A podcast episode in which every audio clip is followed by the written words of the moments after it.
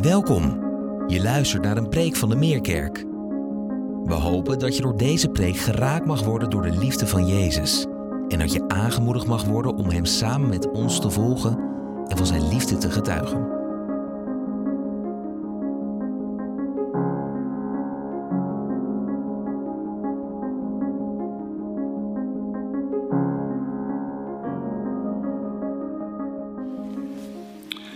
Een hele goede morgen allemaal. En uh, van mijn kant ook een heel liefdevol, vreugdevol en vredig 2024 toegewenst, uiteraard. En ik weet niet of dat helemaal nog van deze tijd is, maar misschien zitten jullie hier wel met de goede voornemens voor 2024. Wie heeft er nog goede voornemens? Zijn er mensen hier in de zaal met goede voornemens? Ja, ja, drie. Mooi. Nou, dat uh, belooft een mooi jaar te worden zo, hè? En van die drie hebben er waarschijnlijk twee al de voornemens uh, die zijn gesneuveld. nou, eentje over. Ik hoorde laatst wel een uh, heel gek voornemen van een man die naar me toe kwam. Die zei, ik heb echt een heel bizar voornemen. En dat is dat ik de goede voornemens van mezelf laat bepalen door mijn vrouw. dacht ik, nou, succes. Ik hoop dat die ook snel sneuvelen dan. dat zou toch wat zijn.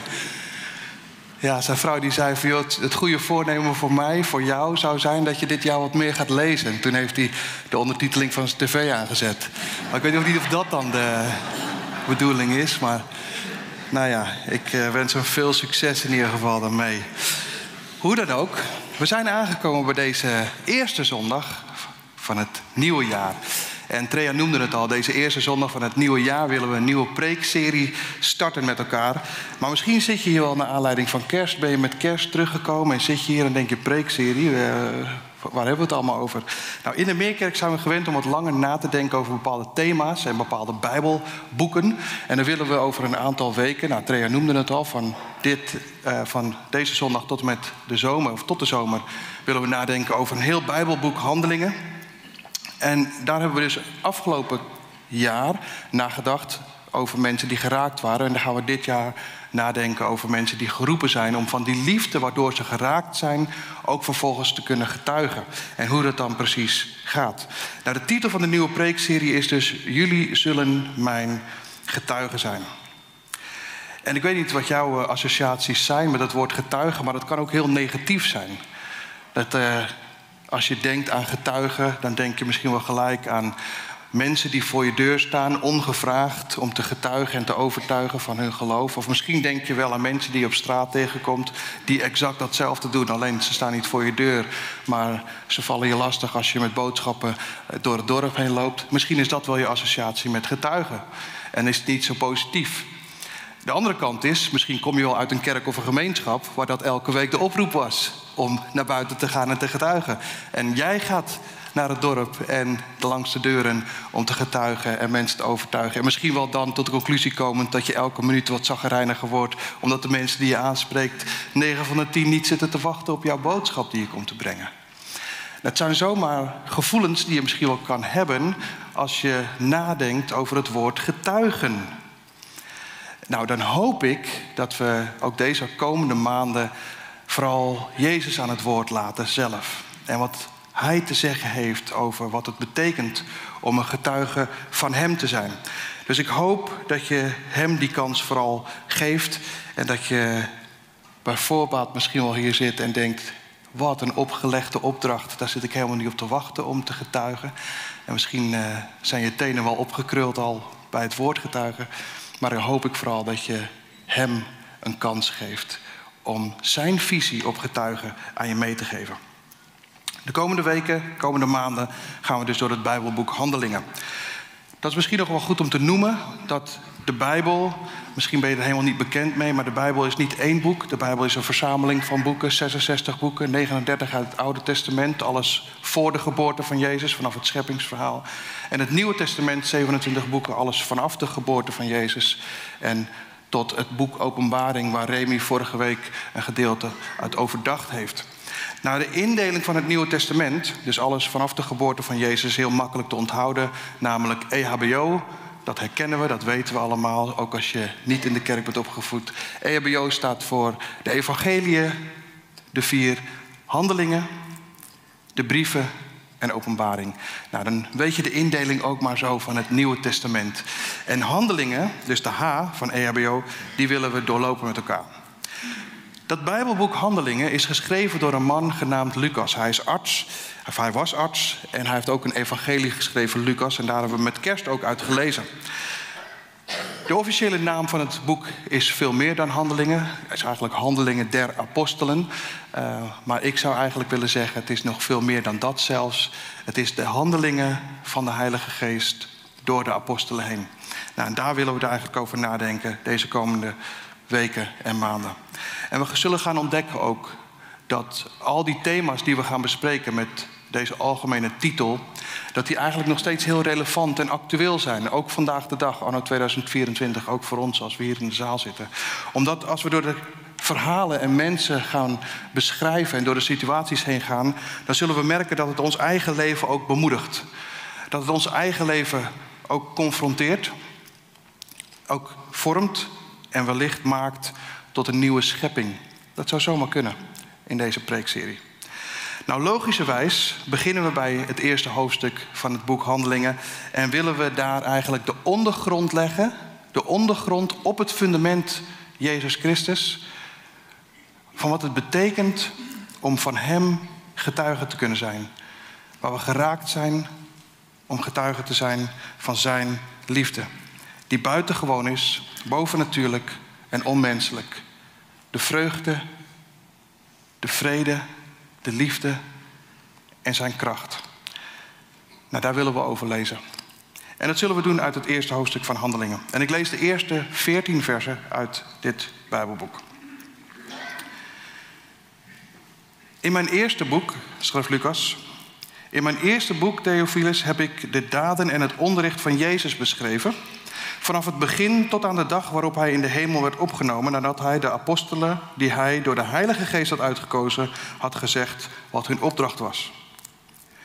Dat hij leefde, heeft hij na zijn lijden en dood herhaaldelijk bewezen door gedurende veertig dagen in hun midden te verschijnen en met hen over het koninkrijk van God te spreken.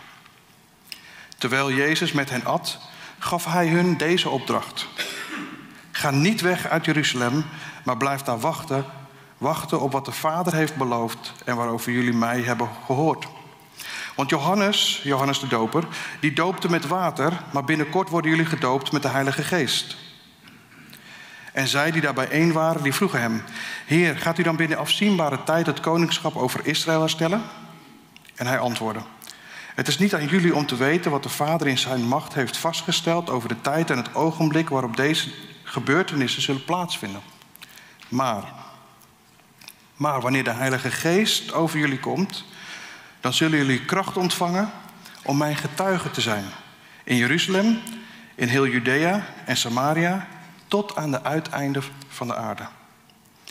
En toen hij dit gezegd had, werd hij voor hun ogen omhoog geheven en opgenomen in een wolk, zodat ze hem niet meer zagen. En terwijl hij zo van hun wegging en zij nog naar de hemel staarden, stonden er opeens twee mannen in witte gewaden bij hen. En zij zeiden: Galileërs, wat staan jullie naar de hemel te kijken? Deze Jezus, die uit jullie midden in de hemel is opgenomen, zal op dezelfde wijze terugkomen als jullie hem naar de hemel hebben zien gaan. En daarop keerden de apostelen terug van de Olijfberg naar de stad Jeruzalem. En deze stad ligt vlak bij de berg op een sabbatsreis afstand. Toen ze in de stad waren aangekomen, gingen ze naar het bovenvertrek waar ze verblijf hielden. Nou, wie waren daar allemaal? Daar zaten Petrus en Johannes, Jacobus en Andreas, Filippus en Thomas, Bartholomeus en Matthäus, Jacobus, de zoon van Alfeus, en Simon de Zeloot en Judas, de zoon van Jacobus. En eensgezind wijden ze zich aan het gebed, samen met de vrouwen en met Maria, de moeder van Jezus, en met zijn broers. Nou, tot zover het woord van de Heer. Als we kijken naar dit gedeelte wat ik net gelezen heb, en daar leggen we eigenlijk de ondergrond op het fundament Jezus Christus, dan wil ik daar drie elementen, drie belangrijke elementen uithalen die vormend zijn om te kunnen getuigen van Jezus. En die drie, eigenlijk vier, maar die vierde krijgen jullie als cadeautje erbij. Die drie zijn deze. De drie elementen die belangrijk zijn, zijn bidden, hebben we gezien, wachten en ontvangen. En als je die drie hebt gehad, als dat de ondergrond is waarop we getuigen, dan komt die vierde vanzelf. En dat is getuigen zijn. Maar deze drie elementen vormen de essentiële ondergrond en die zijn nog steeds actueel en relevant voor vandaag de dag. En we willen ze maar gewoon doorlopen en ik wil er af en toe wat dingetjes over zeggen. Laten we beginnen bij de eerste. Aan het einde van het gedeelte wat we hebben gelezen is dat ze eensgezind bij elkaar kwamen om te bidden. Dus bidden is het eerste. De apostelen wijden zich aan gebed. En apostel betekent iemand die erop uitgezonden wordt. Dat is de betekenis van apostel. Maar zij kwamen bij elkaar eensgezind om te bidden. En dit is denk ik heel belangrijk om ons te realiseren. Nog voordat de apostelen missionair werden, kwamen zij bij elkaar samen om te bidden. Dus voordat je mensen wil winnen buiten, moet je binnen beginnen. En dat is echt heel belangrijk. Dat is essentieel. Buiten winnen is binnen beginnen. Voordat ze missionair werden, kwamen ze eerst bij elkaar om te bidden. En Thea noemde het al. Misschien is een van je voornemens wel om een keer op een donderdagavond hier te komen bij de bidstond. En de bidstond die is eigenlijk ontstaan omdat we in het 40ste jubileumjaar, waar we als Meerkerk in zitten, om daar weer terug te gaan naar het allereerste begin toen de Meerkerk begon. En toen de Meerkerk begon en een klein groepje mensen bij elkaar kwamen, kwamen die mensen elke zaterdagavond bij elkaar. Specifiek om te bidden voor de zondag. Zo kwamen ze bij elkaar. Zaterdagavond, biddend voor de zondag. Biddend dat God iets zou gaan doen die zondag. En dat hebben we teruggebracht, dit 40ste jubileumjaar. Om niet op zaterdagavond, maar op donderdagavond. En niet alleen te bidden voor de zondag, maar te bidden voor onze hele week die voor ons ligt. En niet alleen maar voor ons hier in deze zaal, maar ook voor onze meerkids, ook voor Expect. En ook voor wat er door de week in de kerk allemaal gebeurt. Daarom komen we bij elkaar op donderdagavond. En zoeken we Gods aangezicht om verwachtingsvol ook vooruit te kijken. En we delen elke donderdagavond delen we een bemoediging van wat God die week ervoor gedaan heeft. Dus die week ervoor hebben we ergens voor gebeden. En als we daar een week later terugkomen, geven we een bemoediging. Dit is wat God gedaan heeft. Weet je nog, hier hebben we voor gebeden vorige week. Dat doen we elke week. En dat helpt ons om verwachtingsvol weer uit te zien naar de week die voor ons ligt, waar we ook weer voor bidden met elkaar. Nou, dat is de bidstond. En dat is, als we dit gedeelte lezen, de allereerste belangrijkste stap om samen te komen en eensgezind ons te wijden aan gebed. Het tweede punt is het wachten. Dat is een stuk ingewikkelder. Ze gingen bidden, maar ze krijgen de opdracht van Jezus zelf om te wachten. En ze hebben geen idee hoe lang. Ja, wachten is toch wel een dingetje voor ons, denk ik. Als, nou, laat ik het vooral voor mezelf houden. Wachten is wel een dingetje bedoel, we hebben snelkassa's in het leven geroepen omdat we niet meer willen wachten. En als we naar de kassa gaan, en ik weet niet, sommigen van jullie komen misschien wel eens in de IKEA bij Haarlem daar. Dan heb je, als je dan zo dat magazijn inloopt, heb je een best wel lang pad voordat je bij de kassa's bent. En daar zie je al een soort inhaalrace beginnen, weet je wel. Als mensen dan met een karretje denken, oh ja, wacht eventjes, die heeft veel meer dan ik. En ik, ik zet het op een rennen, weet je wel. We, we willen niet meer wachten. We willen de snelste kassa kiezen en blijkt dat als we daar in de rij staan bij de snelste kassa waar we verwacht hadden dat we het snelst geholpen worden, blijkt dat dat de langzaamste is. En wat voor irritatie dat dan weer geeft. Wachten is wel een dingetje. En Jezus roept op hier om te wachten.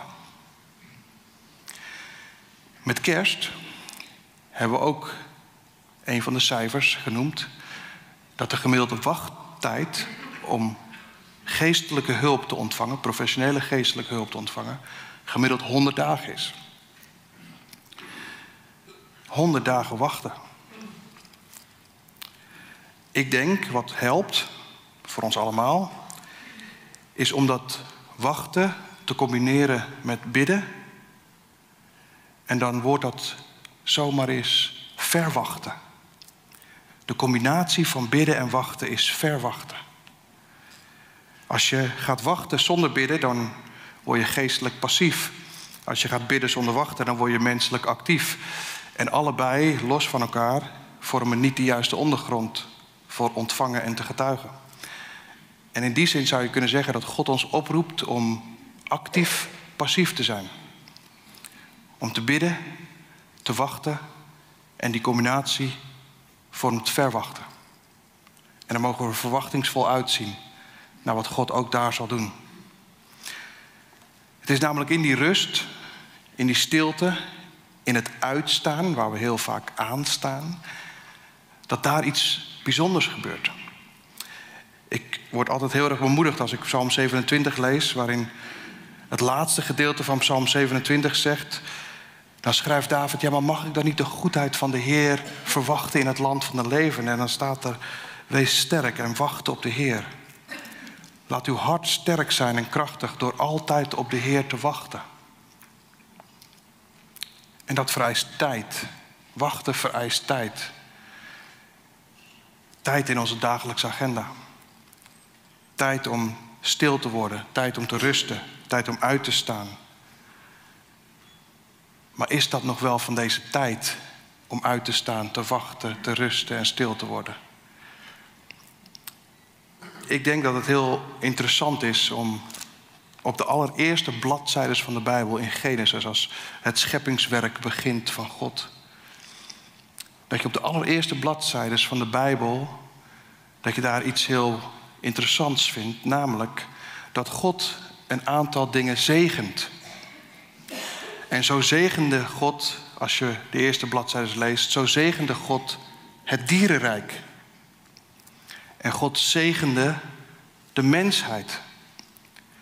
En misschien wel tegen alle verwachtingen in, is er ook nog een derde wat God zegende. En dat is de Sabbat. God zegende het dierenrijk, God zegende de mensheid en God zegende de Sabbat, de rustdag. Ze hebben namelijk alle drie iets gemeenschappelijks. Dat is namelijk dat ze alle drie leven voortbrengen. Het dierenrijk, de mensheid en de Sabbat. Ze brengen leven voort. Mensen die de Sabbat houden, die leven zes dagen anders. En ik denk dat dat geen verspilling van je tijd is, maar een investering. Het is vrij simpel, maar Paulus die omschrijft in een Bijbelgedeelte in 2 Korinthe hoofdstuk 3 het voorbeeld dat wij een brief zijn, een brief van Christus. En Paulus schrijft in 2 Korinthe 3 dat wij een brief zijn die te lezen zijn voor iedereen. Dus jij en ik, zoals wij hier staan, wij zijn een brief van Christus we zijn leesbaar. En dan schrijft hij erover. Iedereen kan deze brief zien en iedereen kan deze brief lezen. Want wij zijn een brief van Christus opgesteld, niet met inkt op papier, maar in ons hart gegrift. Dus de brief die wij in ons hart gegrift krijgen, is leesbaar en zichtbaar voor mensen. Nou, wat wat een brief leesbaar maakt, zijn de spaties tussen de woorden. Als je spaties weghaalt uit de hele Bijbel, dan kom je op een hele dunne versie van de Bijbel uit. Er is niks wat onwaar is. Het blijft nog steeds waar, 100%. Maar het wordt onleesbaar, omdat je de spaties er hebt uitgehaald en alles staat achter elkaar. Het is niet onwaar, maar onleesbaar. Spatie, het Latijns voor spatie, spatium, betekent ruimte. Om een leesbare brief van Christus te worden, is het noodzakelijk om ruimte in ons leven te creëren. Ruimte van rust, van stilte, van wachten. En dat in een maatschappij die geen ruimte laat voor ruimte. Ik denk dat het een boodschap is tegen de wereld in. Maar als je een leesbare brief van Christus wil zijn, een getuigenis van wie Hij is, dan hebben we spaties nodig in ons leven. Want zonder spaties word je niet alleen Een onleesbare brief, maar je leven wordt ook onleefbaar als je de spaties weghaalt. In zijn boek De radicale uitbanning van haast schrijft John Mark Comer het volgende. Liefde, vreugde en vrede zijn hartsgesteldheden die onverenigbaar zijn met een leven dat gehaast is, dat geen ruimte laat, dat geen rust vindt, dat niet weet te wachten. Liefde, vreugde en vrede, vrede zijn onverenigbaar met zo'n leven. Dus als je dat wilt doorgeven in 2024, dan kost dat tijd. Dan kost dat tijd om te ontvangen. En het probleem met een gehaast leven is dat je geen tijd hebt. Maar God wil het wel geven. God wil in momenten van rust, stilte en van wachten, van uitstaan, wil het je geven. En je kan niet doorgeven aan een ander wat je niet eerst zelf hebt ontvangen. En dan komen we bij het derde punt. Ontvangen. Jezus roept op om te wachten. Maar dan maakt hij vervolgens ook zijn belofte waar. Hij belooft namelijk het meest bijzondere en het meest krachtige wat hij de mens ooit heeft kunnen geven. Namelijk zichzelf. Zichzelf voor de verlossing, voor alles wat wij fout doen. Dat is het enige wat wij ooit zullen bijdragen aan het verlossingswerk van Christus. Dat zijn onze fouten en falen, onze zonden. Maar hij verlangt ons daarbij iets te geven wat het meest bijzondere, het meest krachtig is, wat we ons ooit kunnen voorstellen. En dat is namelijk Hemzelf, in de persoon van de Heilige Geest. Wanneer wij Jezus Christus erkennen als onze persoonlijke Verlosser en Heer, dan belooft Hij dat de Heilige Geest deel wordt van ons leven. God zelf komt in ons wonen door de Heilige Geest, waar we net over gelezen hebben. En dat is een krachtig iemand die deel wordt van je leven. En met het feit dat God zelf deel wordt van je leven, wordt zijn karaktereigenschappen, die worden ook deel van jouw leven. In de Bijbel noemen we dat de vrucht van de geest. En dat zijn karaktereigenschappen die deel worden van je leven. En dat is wat God wil doen in jou. Dat is liefde, vreugde, vrede, vriendelijkheid, goedheid, geloof, geduld, zachtmoedigheid en zelfbeheersing. Dat zijn de negen karaktereigenschappen van God zelf die deel worden van jouw leven als je gelooft. En dat wordt zichtbaar voor mensen. Dat is die brief. Niet op papier geschreven, maar in ons hart gegrift.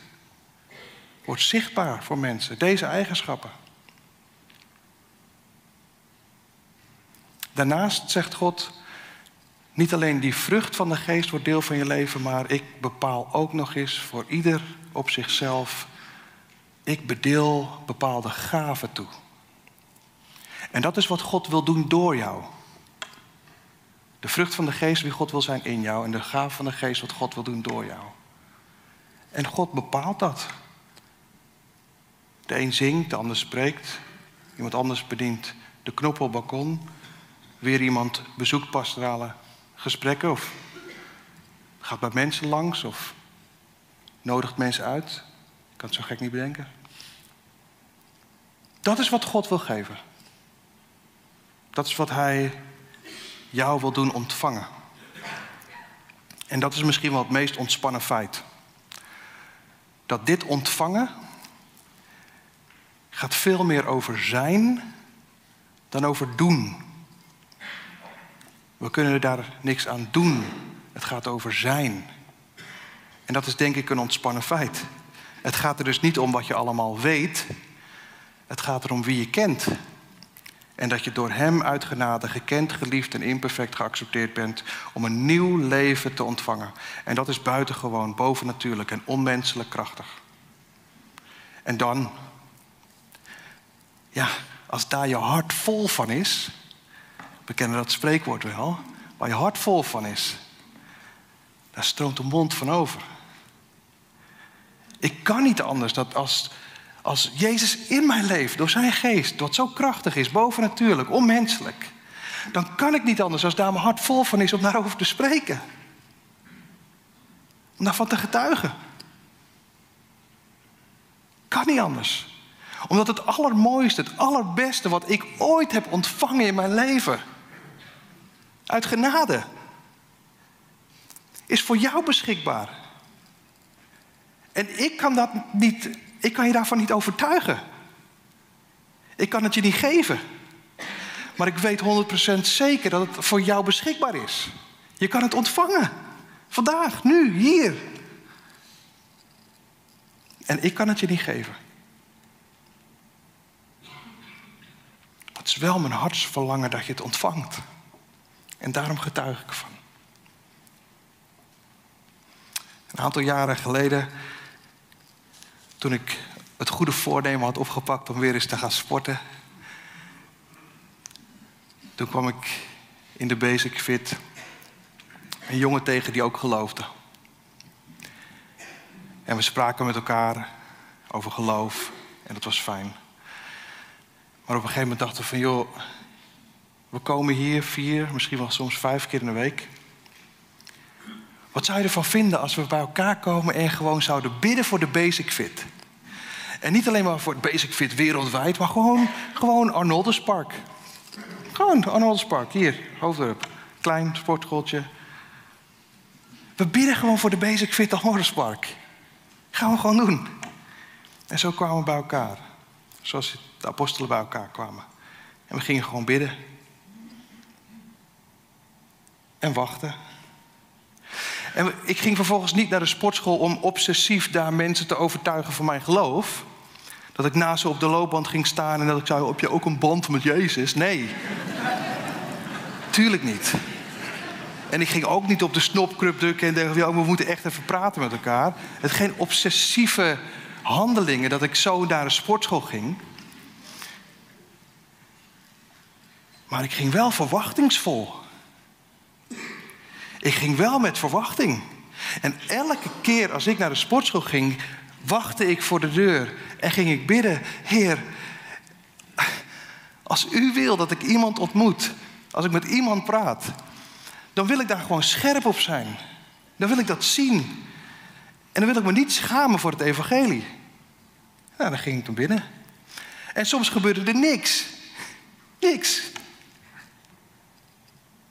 En dacht ik, nou, ik heb gesport, ook goed. Maar elke keer opnieuw werd ik verbaasd over de ontmoetingen die ik had. En, en zit hier vooraan zit een, uh, zit een jongen. Dat was een van mijn eerste ontmoetingen. In de kleedkamer. We raakten in gesprek over, ook over christelijke tatoeages die ik heb. We spraken over de kerk. Ik nodigde hem uit om op zondag een keer te komen. En zo liep hij een keer hier door het gangpad naar voren toe. Nou, ik ben er. We hebben met elkaar gegeten. We hebben elkaar leren kennen. Er is een vriendschap uit ontstaan. Uitgenodigd voor de Alfa. En in de Alfa werd hij geraakt door de liefde van Jezus Christus. En kon hij niet anders, omdat datgene wat hij had ontvangen door te geven naar andere mensen. Ja, toevallig. Toevallig was hij dan ook personal trainer bij de Basic Fit. En kwamen de een naar de ander, naar de kerk, naar een alfa. In het doopbad werden lid. En dat gaat tot op de dag van vandaag door. De afgelopen drie jaar, denk ik, om safe te zitten. De afgelopen drie jaar is er niet één doopdienst voorbij gegaan waarin niet iemand vanuit de Basic Fit in het bad stond. En dat is niet omdat we iemand spraken op straat en toevallig sportte die ook bij de Basic Fit. De ontmoeting is ontstaan in de Basic Fit.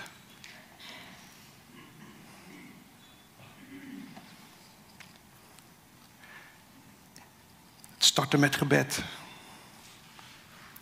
Wachten. En verwachten. Dat God iets zou doen. En mensen alleen maar zouden zeggen: Ik wil dit ontvangen. En dan gaan zij op hun beurt weer getuigen. En hebben we elke keer weer sportieve mensen hier. Maar het heeft dus helemaal niets met onszelf te maken. Nul, niks. Er zit niets van ons bij. Anders dan het besef dat gebed misschien wel heel belangrijk is. Om vervolgens te wachten en te verwachten. En te getuigen van wie Hij is. Ik wil de band ook alvast naar voren vragen om straks een lied met ons te gaan zingen. En met elkaar ook. Als we nog één moment kijken naar het Bijbelboek Handelingen, dan is het mooiste wat ik daarvan vind, misschien wel buiten al de verhalen natuurlijk om, is dat het boek Handelingen een open einde heeft. Het heeft geen afsluitende woorden, het is een open einde. En ik heb me dat zo voorgesteld in de voorbereiding op deze preek en op de voorbereiding van de preekserie. Stel dat Lucas, de schrijver van Handelingen, stel dat hij vandaag de dag nog steeds zou leven. En dat het Bijbelboek Handelingen zijn levensroeping was om elk verhaal op te schrijven.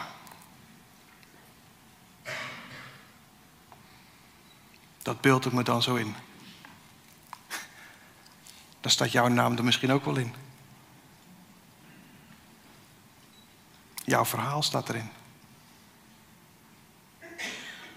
Hoe bijzonder is dat?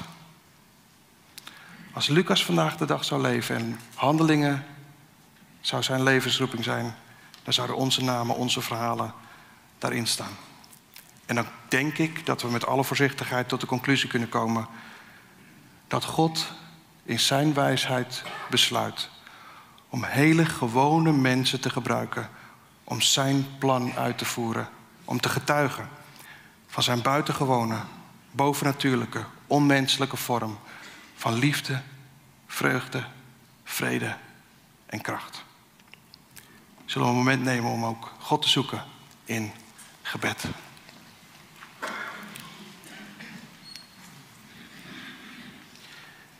Ja, Heer, als we deze punten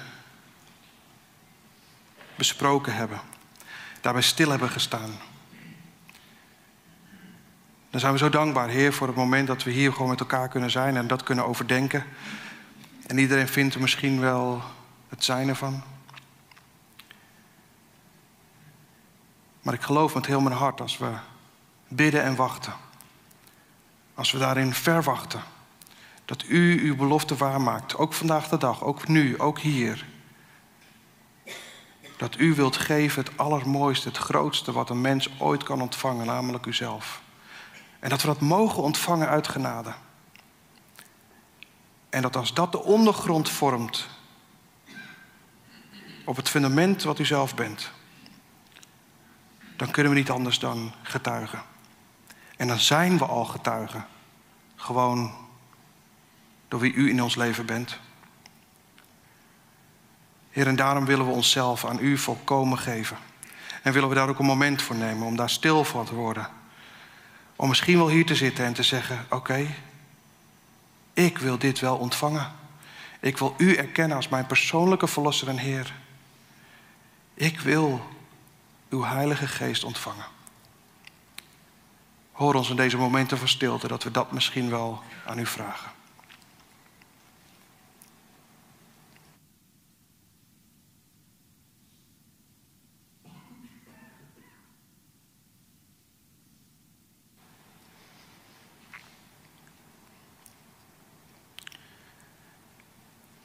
En Heer, ook ik. Ook ik geef mezelf aan u volkomen. In Jezus' naam. Amen.